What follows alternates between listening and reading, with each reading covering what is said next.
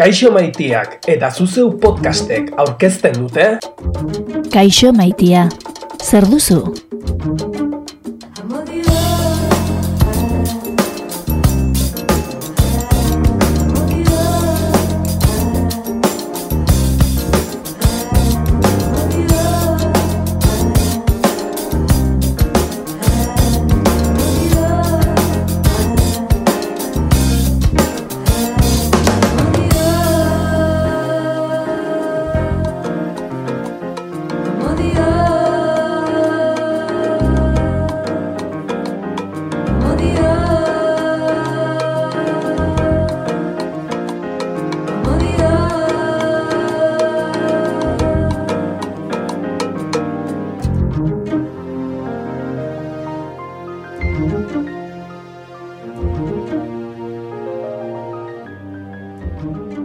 Kaixo maitiak eta zuzeu podcastek ongi etorria ematen dizute, entzule? Euskaldunon harreman afektibo eta sexualei buruzko podcasta duzun honetara. Kaixo maitia, zer duzu aurkezpen saioaren ondotik? Iragan atalean, Kaixo maitiak 2008an egindako sexu inkesta aztertzen hasi ginen. Eta bideo horretatik jarraituko dugu harremanak egiteko webguneko inigo arandia eta harremanak osasun zentru integraleko olatz beraztegi sexologo eta psikoterapeuta lagun ditugula. Ikerketaren azterketari ekin baino lehen baina, zuzargitaletxeko munduko poesia kaierak bildumatik, Jorge de Sena olerkariaren iaiz bizinauen lurra entzungo dugu. Ricardo Arregik itzulitako poema.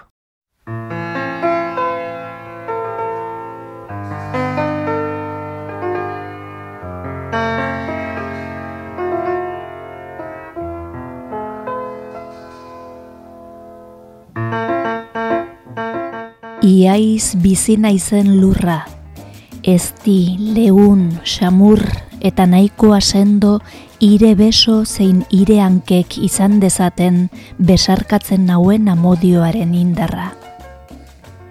Arria ere baiz lurraren antzera batzuetan, ertzorietan min hartzen dinat zauri, baina goroldioz estalita irekin izatearen zauri hori esek ditun freskatzen. Eta zuaitzen itzalak, loreak eta fruituak, nire keinu eta nire zaporera errendituak. Eta ur garden eta gurguri atxua munduan amodioaz soilik xuxurlatzen didana. Iaiz bizina izen lurra, ez paisaia, ez amalur, ez baso mendien ninfa baitua. Lur gizatiarra, bertan paratzen naun osorik eta betiko.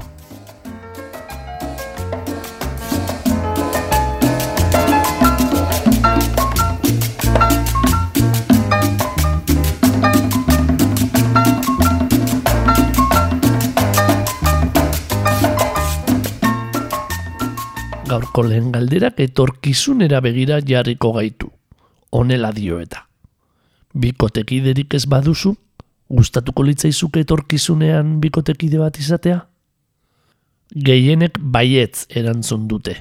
Euneko berrogeita emeretziak harreman itxian eta euneko amaseiak harreman idekian.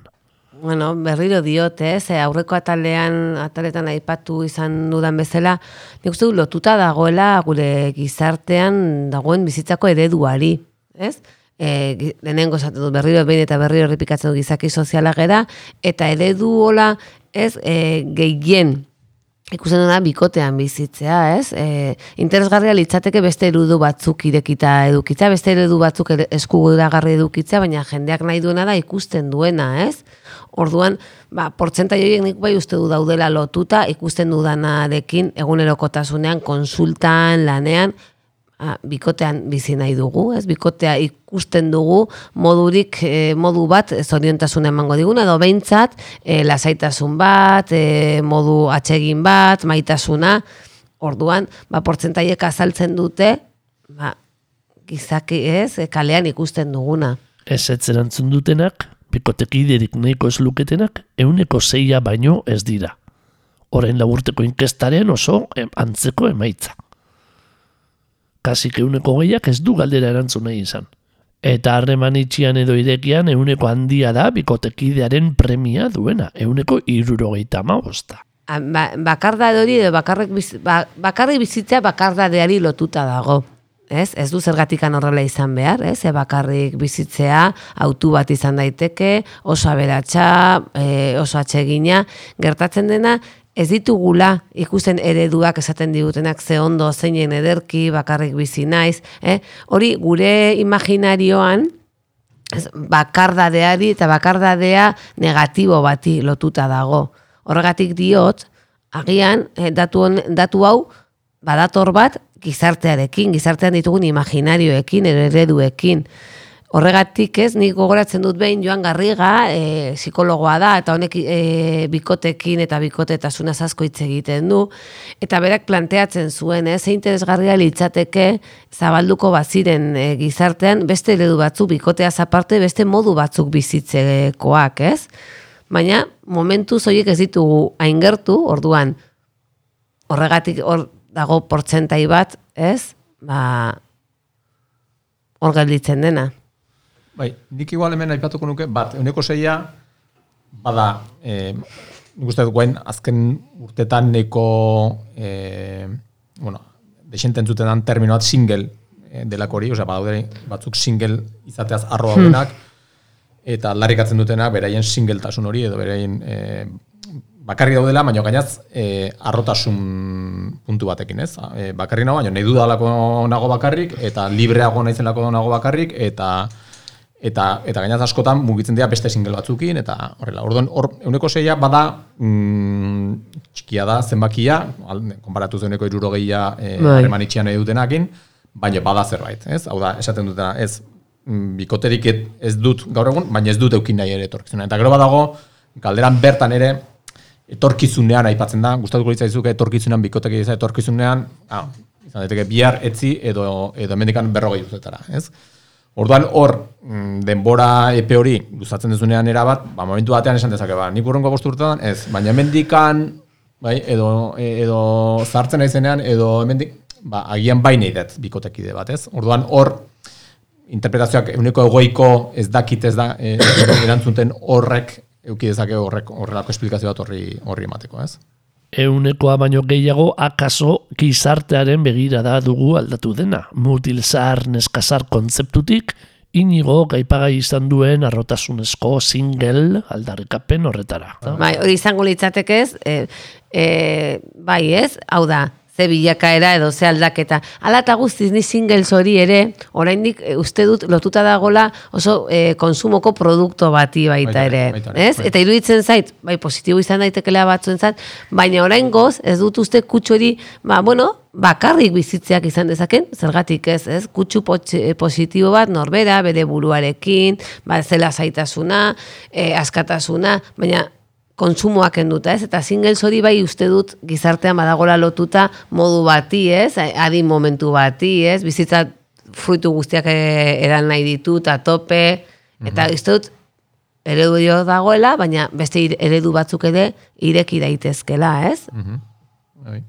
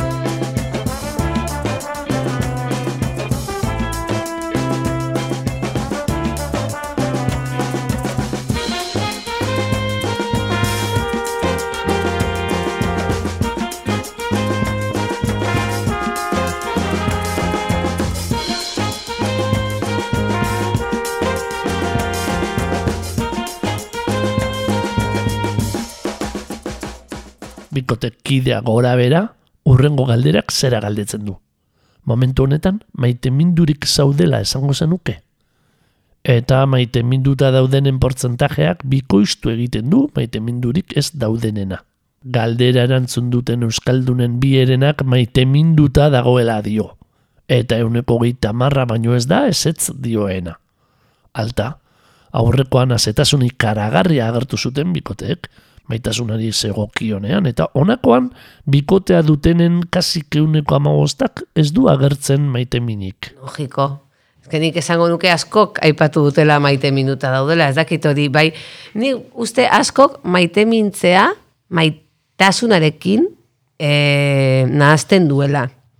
Ze, portzentai altua iduditzen zaite. Maite mina bada fase bat, maitasunaren fase bat, ez? Lehenengo fase hori, fase ero bat, fase psikotiko bat, esaten dugu psikot, psikologian, ez? Psikotiko bat hau da, bestea ikusten duzu, magiko, e, hau da, ez da erreala, ez? Baina beharrezkoa den fase bat bestearen gana urbiltzeko, ez? Ze, bestea normala izango balitz, edo ez bazenu begirada horrekin ikusiko, ezen dituzke gogoak edukiko, ez bestearen gana urbildu, harreman bat eraiki da, harreman baten fasea. Horregat, niri harritzen nau, ez? Datu horrek esaten, maite mina hain altua izatea. Nik uste dut, hori maitasunarekin nahaztuta datorrela. Asko bikotean esaten duten maite minduta nago, e, maitasunarekin maite diot, ez? Baina esango nuke, amalagoiek esaten dutena logikoa iruditzen zaidala, nola egongo zara maite minduta harremanean, ez dakit, iru, la urte egon ondoren, ez? Pentsa, ordea maitasuna autu bat da, ez? Egunero konstiente egiten duzun zerbait, erreala da, bestea ja ez da,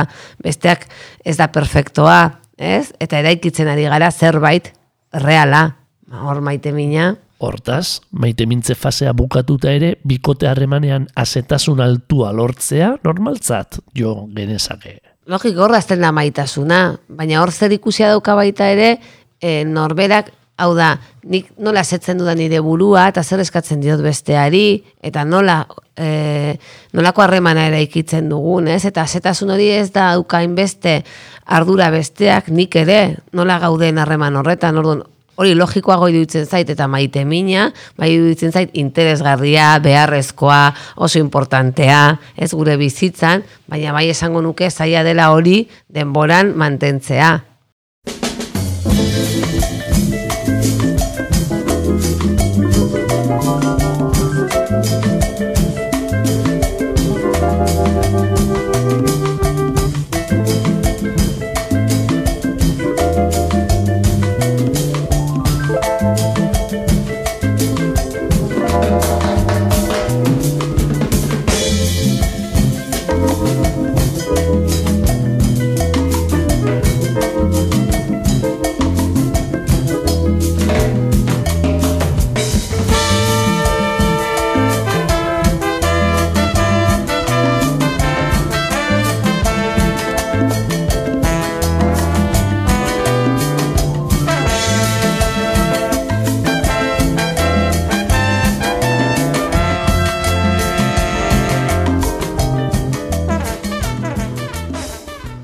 Maite minarekin edo maite minik gabe, zer bilatzen duzu harreman batean, galdetzen da aurrengo, eta makina bat aukera zabaltzen dira, oso interesgarriak batzuk. Konfidantza eta zintzotasuna. Elkarrekiko maitasuna. Adizkidetasuna, ondo pasatzeko pertsona bat. Sexua. Harreman iraunkor bat. Leialtasuna. Familia bat osatzea, seme alabak izan. Eskondu. Babes ekonomikoa, gizartearen onarpena, edo epe motzeko harreman bat. Hoiesek aukera. E, bai, nik hemen e, aipu txiki bat, hau e, zan erantzun bat baino gehiago emateko aukera zegoen, galdera honi. Orduan, batek e, e, aukera zitzazken denak, adibidez, ez? Eta, eta nik uste hori dala lehenik eta ben e, eman beharreko esplikazio bat. Eta, eta bueno, ba, badago beste parte bat, hor babes ekonomiko, hor aipatu dugu gutxien babes ekonomikoa eta barre e, familia bat osatzea bai euneko hogeiak aipatzen du, babes ekonomikoak, ezkondu gutxiagoak, Baina nik uste hor badagoela momentu baten harremanetan ere badagoela mm, arrazoi ekonomiko bat ere egon daitekela, kasu askotan. Bai. Esan dizut, leheno komentatzen duen singelaren kasu hori, baina singela izateko, eta momentu batean, esango dizuet, donosti batean, bizitzeko bakarrik etxe batean, pues, euki behar dezu ere, e, baliabide ekonomiko batzuk. Bai, bai, bai. E, eta horre ere sartzen dira beste, beste aldagai batzuk, agian ez dezuna esaten, ez, nik babes ekonomikoan hartzen dezulako momentu batean beste, bestearen bizkarretik biziko zarela, Baina bai joten dira batzutan eh hasieran ez komentatzen duen, ez? Bikote kidea da, bikote harremana da e, modurik erresena eta egonkorrena momentu batean bizitzeko ere eta e, errezten du bizitza ere zenbait kasutan. bai? Claro. Eta eta aldagai ekonomiko hori ere hor dago nik uste dut.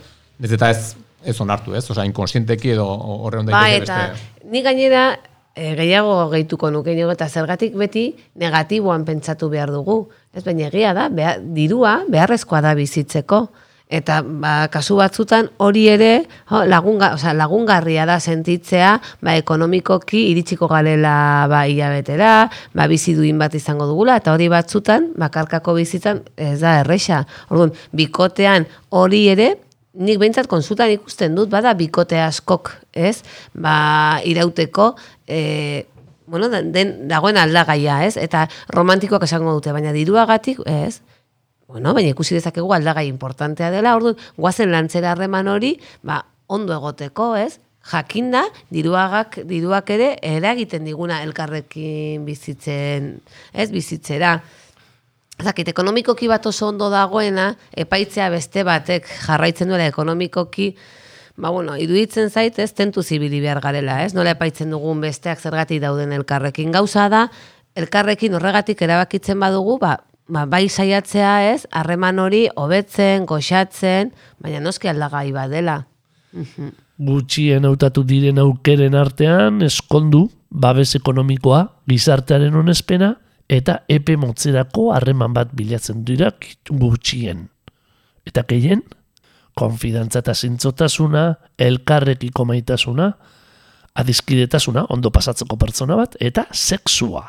Oiesek gehien bilatzen direnak. Nik uste dut hor, ez, eta badakit, inkesta zure etxean egiten duzu, baina ni hor konzeptu basartuko nuke, ez? E, eskapareatea eta trastienda. Oso eskaparatetik ere erantzuten dugu zen nahi dut, ba, zintzotas, noski, behar dugula zintzotasuna eta leialtasuna, eta, ez? Eta hori importante dela bikote harreman batean, baina hori da, balore bat hor dagoena garrantzitsua dela, baina ez da materiala. Eta nik uste materialtasun horri, ba, esaten dena, ez? E, arrazoi ekonomikoak, ez? Ba, ba, ez daukate fama ona, ez? Diruagatik zaude pertsona horregatik, ez? Sozializatzen dugu zerbait negatibo bezala. Agian, benetan hitz egingo bagenu, ba, ze zaila den bakarrik bizitzea, single bat izatea, edo, ba, agian beste balore bat izango zuen, eta beste, inkestan beste datu bat izango luke. Osa, ez dut esan nahi, ez? E, diruagatik jarraitu behar dugu, ez? Baina, bueno, elkarri laguntzea bada, ekonomia Bai, eta badago. nik honekin eh, erlazionatu bi, bi komentario, eh, bueno, eh, olatzek aipatu duenaren inguruan. Eh, bat, metodologiaren inguruan guretzat oso importantea zen horrelako galdera motak botatzeko garaian eh, aldarrikatzea inkestaren anonimotasuna. Bai? Hori oso importantea da. Ze bestela jendeak, e, zu jute ma, zu, inkesta honekin jungo bazina, atezate, timbrea joz, e, eta pertson, oza, parez pare, galdera hauek egin da, emaitzak era bat ezberdinak izango lirateke, e, momentu batean ere, jendeak, e, ez du lako esan nahi, e, ze maiztasunekin masturbatzen dan, edo maite duzun, eta e, senara Bai. aldamenean maite maite duzun ez duzun maite, e, hor badauka, e, galdera egiten dian galdera e, tipologiaren gatik, ba, anonimotasuna bermatu da, eta horrela, eta horrela dago bermatuta e, galdeketan. Hori alde batetik, horrein ikustet laguntzen dula erantzun zintzoagoak ematen, eta, eta bestetik, eta ekonomiaren e, inguruan, beti entzun izan dugu, ez? Krisi egoeratan, krisi ekonomiko egoeratan, e, banaketa gutxiago ematen diala. Bai? Eta hori da, aldagai ekonomikoa benetan badalako importantea. Zenbaitentzat, bai? E, kaso askotan, agian e, ez daukaz zerikusirik ere e, e, baliabide ekonomikoak gehiena dituztenak ere, ze azkenen e, oiei ere eragiten die e, momentu baten banaketa batek beste, beste, beste bezalaxe. Bai. Baina eragiten du. Bai? Eta igual ez da hain, e, e, esaten duen bezala, hain romantikoa esatea, ez, e, bai, ba, bai da aldagai bat ekonomikoa, e, nik bikote, bikote harreman honetan jarraitzea. Baina bai da, e, zenbait kasutan bai da horrela. E, Bai.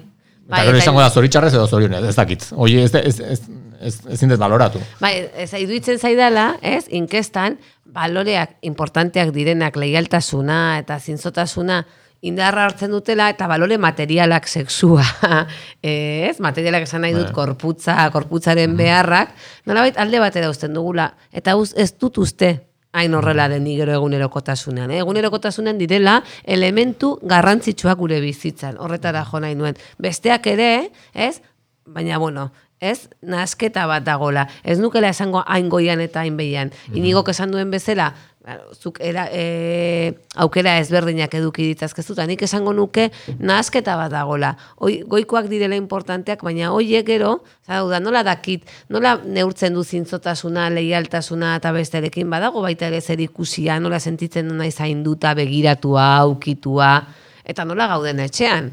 Ez, hau da, ekonomikoki, ez? E, hori guzti garrantzitsua dela.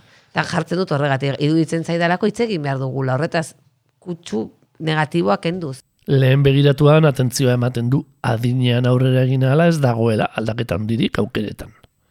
Baina bai sexuari dagokionean. Antza denez, gizonek gehiago estimatzen dute harreman iraunkorra, sexua eta familia osatzea. Eta emakumeek, beren aldetik, elkarrekiko konfidantza, maitasuna eta adiskidetasuna. Bai, ez? Ba, hori berriro ez, hori ikusten da, ez? Balor, e, bueno, nik uste dut rolak ereduak, ez? Ba, emakume artean adizkidetasuna, lagun bat, ez? Eta gizonezkoak agian praktikoak dira, ez? Hau da, zertarako nago bikotean, ez? Zer nahi dut bikotean? Ba, bueno, helburu badaukat, familia osatzea edo... Nik uste dut berriro dio estereotipo bat da, baina ematen den zerbait da. Ez? Eta ikusiko behar beharko genuke horren atzetikan zer dagoen. Ez nola ezi gaituzten bakoitzari, eta bueno, Hemen aipu, beste aipua leialtasunaren inguruan, eh, ben aipatzen du enuko geita sortziak, zer bilatzen duzu biko da, leialtasuna enuko geita sortziak aipatzen du Bai. bakarrik. Baina gero badago atal bat propioa leialtasuna harremana eta leialtasunari buruz aritzen dena, eta hor ikusten da agian aitortzen dana, hasiera baten aitortzen dana, baino garrantzi gehiago ematen zaiola leialtasunari. Una, euneko geita sortziak bilatzen du leialtasuna, bai. izaten du, baina gero mm, behar bada uneko geita sortzi hori, baino ge, garrantzi gehiago ematen dio e, jendeak ere ez. Batzutan, e, a ber, ez da erresa ere galdera hoi bote prontoan erantzutea. Bai. Hartzen duzu, etorra eskizu galderak, eta e, nik uste guretzat oso importante izan zen ere, e, galdetegi hau egin gendunean, eta, eta orokorrean ikerketa egin gendunean, guretzat, e, maitzak bezain importantea da, e, prozesua, jendeak, hemen, hemen zortzi mila pertsonak ikerketa egin zuten, erantzun zioten inkestari, eta eman zioten zenbait kasutan zer hausnartu, da ze pentsatu, ez? Eta, eta momentu batean bai bikotekidearekin, edo bai bakarrik, edo pentsatzen dut honek ere galdera batzuk badia oso intimoak dira, batzu badaude, bueno, ze pentsatu ematen dizutenak, eta guri esan izan digute ere, e, 2006an esan ziguten batek baino gehiagok, jo, hau ira- irakurri eta galde, eta, bueno, ba, ematen Bai. dizula ze pentsatu, eta guretzat hori da, lehenengo arrakasta hori da. Eh? E, zenbait galderai agian zuzenan, oso, lagunen artean galdetzeko mm, zearik ausardiarik edo, edo konfiantzarik eh, egon ez dan eh, kasutan, inkesta batek galdetzen dizu, eta ematen dizu pentsatu, ez? Eta hori nik uste dut, eh, oso positiboa dela. Bai, bai, eta nik orain pentsatzen baita ere, pentsatzen dut leialtasuna oso balore potentea da. Eta, ez, eta segurazki inkesta baten ikusten duzunean, ostras, ba, leialtasuna, ze leialtasun horren barruan gauza asko sartzen ditugu. Zan edu, segurazki, e, sexuaren aldagaia, lehen esan ditugun al- aldagai asko ere, leialtasun horretan sartzen ditugu, ez? Hau da, leialtasunak pentsatzen dut pertsona bako bati gauza asko esaten dituela, ez? Eskatzen diozunean leialtasuna bikoteari, ez dakit, ez? Hor, leiala nahi dut. Ostras, leialak bizitzaren esparru guztietan da zerbait, ez? Ba, e, osagai asko dituena, ez? Hau, de pronto iruditzen zait oso balore potente horregatik ere normala da, ba, agian, lehenengoetarikoa agertzea.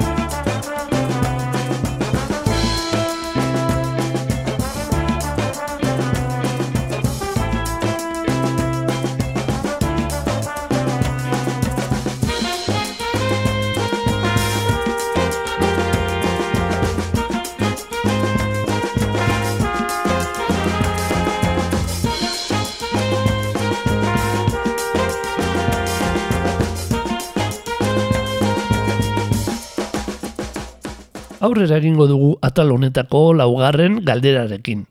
Zenbat bikote harreman izan dituzu zure bizitzak guztian. Lau mila lagunetik gorak erantzun du galdera. Eta lagina kontutan hartuta Euskal Herrian ohikoena bataz beste bi bost bikotekide artean izatea dela esan dezakegu. Euneko irrogeitik gorak bi bost bikotekide artean izan dituzte. Euneko geitabiak bikotekide bakarra. Euneko sortzeko mazeik bost amar bikotekide artean eta euneko bost eskaz batek ez du izan sekula bikote harremanik. Nik o- e, datu hori uste dut dela ni behintzat ikusten dudana baita ere inguruan, konsultan, tailerretan ez, ez gera bikotekide askoko gizartea, ez? Ba hori, dago baita ere lotuta beste aldagai bat izan duguna, ez zenba nahi dugu irautea, nahi dugu bikoteak irautea, saiakerak egiten digutigu irautzeko, ira, ez? E, orduan, ba, ba hoxe da, ez? Nik hemen e, bi komentariotxo bat bikotek, bikotekide kontzeptua bera batentzat izan daiteke e, asteburu bateko histori bat eta beste batentzat izan daiteke ez hamar urtetik eta bi seme alaba izan e, Bai. hori izan daiteke bikotek, bikote harreman bat beste batzuntzat beste bat izan daiteke hor, hor badago bueno, ez dena o, e, aldagai neko aldak, aldakorra izan, izan daiteken bat eta gero bestea logikoki adinean gora eginda, eta hortaulatan ikusten da, adinean gora eginda, bikoteki, bikote gehiago, bikote harreman gehiago. Ez da normala, emezortzi urtekin, e, amabost bikote izatea, e, edo ez da hain, eh, hain ohikoa berrogeita bost urteko pertsona batek e, e, adina bikote izatea. Logikoki, denbora, denbora kontu baten gatik, ez? Baina, bueno, hau zan gutxi gora bera, e, bai, ukitzeko gut, Bai. orientazio txiki bat, e, e, bueno, ba, gure bizitza sozialen eta gure gure gizartean nola nola zegoen. Eta bueno, hemen ikusten da bikote harreman bat eta bi bost artean, hau da, bat eta bost artean eguneko laro gehieta bosta. Bai, baina zuk esan duzuna, nik uste dut bai, bikotea bakoitzak zerri izendatzen dio, baina bai esango nuke, hemen Euskal Herrian, bikoteak badituela ezaugarri batzu esan nahi dut. Asteburu batekoa ez da bikotea, ez? Gar, eman daitezke harreman, osea, a ber, ligo, e, ligeak aipatzen badituzu, ziurrenik askoz gehiago egongo dira, baina bikoteak e, ja ai, bikote aipatzen dugunean ni behintzat ikusten dudana eta ja dauka, ez, ezaugarri batzuk aldatu daitezke bat eta bestetik, ez, nola izendatzen dugun bikotea, baina, bueno, ja iraupen badauka, ez, modu bat, egotekoa, ez, Lotura bat. lotura bat, pizka publikoa, ez dakit, badituela ezaugarri batzuk, eta, bueno, ba, Galdera honen kasuan, interesgarria begitanduko litzaiguke mundu mailako edo beste gizarte batzuetako datuok, datuak, beste gizarte batzuetako datuak ezagutzea. Euskaldunok aspektu honetan non gauden alderatzeko. Bai, hori da, ez? Nik uste dut inkesta hauek interesgarriak izan daitezkela ikusteko, ba, gure kulturak noski sustraitzen gaituela eta eragina daukala nolako harremanak eta nolako bizia daukagun, ez? Eta interesgarria da hau kontrastatzea beste gizarte batzukin. Ziur denik datu ezberdinak egongo dira. Bueno, bainigo badakizu animatzen Guk hori egin gendun, e, 2006an, eraman gendun pixkataratago, bueno, e, ez gai honen inguruan, baizik eta gero sexu bada azken ata, e, irugarren atala, e, ikerketako irugarren atala da e, sexu harremanen inguruko atal propio bat.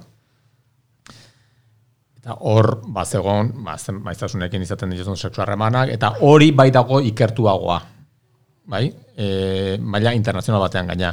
Eta hor badago, e, e, ez dakit, durex edo kontrol edo hauko sexu, e, e, preservatibo e, enpresautako bat, tek egiten du ikerketa bat, ez dakit urtero dan edo, e, neko internazionala dana, eta hor badaude ranking edo nerako batzuk e, e, herrialdeka, lurraldeka, eta barre egiten dituztenak, eta hor halako konparaketa bat e, egiten egiten uzten du. Baina hori beste bateak utziko da.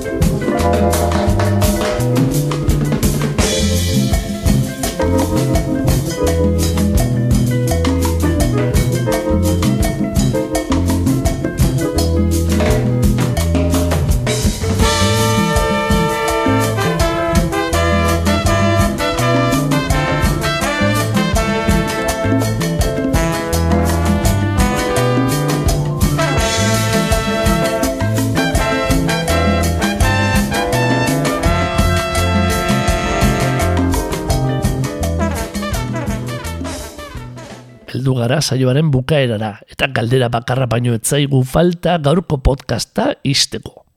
Zein da zeure zoriontasun maila momentu honetan egoera afektibo emozionalari dagokionez. Eta erantzunei erreparatuta badirudi aurreko saioan bezala oso modu baikorrean itxiko dugula gaurko jarduna, azetasun ikaragarriarekin. Euneko irurogeita bostak zoriontasun maila altua edo oso altua duela dio. Ze ondo. Bai, eh, hemen okerrez banaiz, eh, geisten da, eh, bueno, egoera zibilaren arabera adibidez geisten da, dibortziatuak ez daude hain, hain kontentu, eh, bikotekide gabeak ere ez dauden kontentu, eh, bueno, badaude horrelako ze batzuk, baina, bueno, ematen du ere momentu batean, eh, nek, bueno, puntu batean bataz bestekoa kontutan izan dala, hemen jartzen du zazpiko ma, e, zazpiko ma lau edo jartzen Bai, zazpiko ma lau, bai. Zazpiko ma lau. E, bataz bestekoa amarretik. E, eta galdetzen zanen, maitatua sentitzen zanen, e, zortziko ma lau edo zen, hor badaude, mm, bueno, Bai, badaude ñabardura ze batzuk. batzuk, momentu batzutan, ba, ze pentsatu, ematen baina, bueno, oro, orokorrean, orokorrean, e, Pozi bizi dela. emozionalki eta afektiboki e, content, bai? E, on, bueno, psikologoek hobeto jakingo dezue, baina pentsatzen dut ez dala erresa ere aitortzea zoriontsua ez zarela. Bai. Afektiboki, hau da, aitortzea nere, osea, zure buruari esatea edo edo aldarrik, aldarrikatzea, ez da aldarrikatze bat, baina esatea ez eske naiz zoriontsua hori ere e, psikologikoki agian ez da errexena eta bada egon daitezke e, defentsa mekanismo batzuk esateko, bueno, ba, Hor, zoriontsua. horretaz ari Bai? nintzen leno, ez? E, ziurdenik horrela da, datuak ondo daude, baina egia da, e, zailagoa dela erantzutea negatiboan, ez da, inerrexan naiz eta pribatuan izan, ez? Baina, jo, topo egitea zure zoriontasun ezarekin, zure tristurarekin, ez da inerrexa. Ez? Orduan, hor, e, datu horiek edo e, era, horretaz, hor, hau ere, eragina izango du e, inkestan. Bai. Bueno, baina, Baina bukatuko dugu pentsatuz, ba, emozionalki osasuntxu gaudela. Ñabardura gora bera gogoratu entzule, egoera afektibo emozionalari dagokionez gehiengo zabal batek zoriontasun maila altua edo oso altua duela, dioela. Ze poza horrela bukatzea. Bai. Bai, bai, hola bukatu eta hola jarraitu. Hola, Hori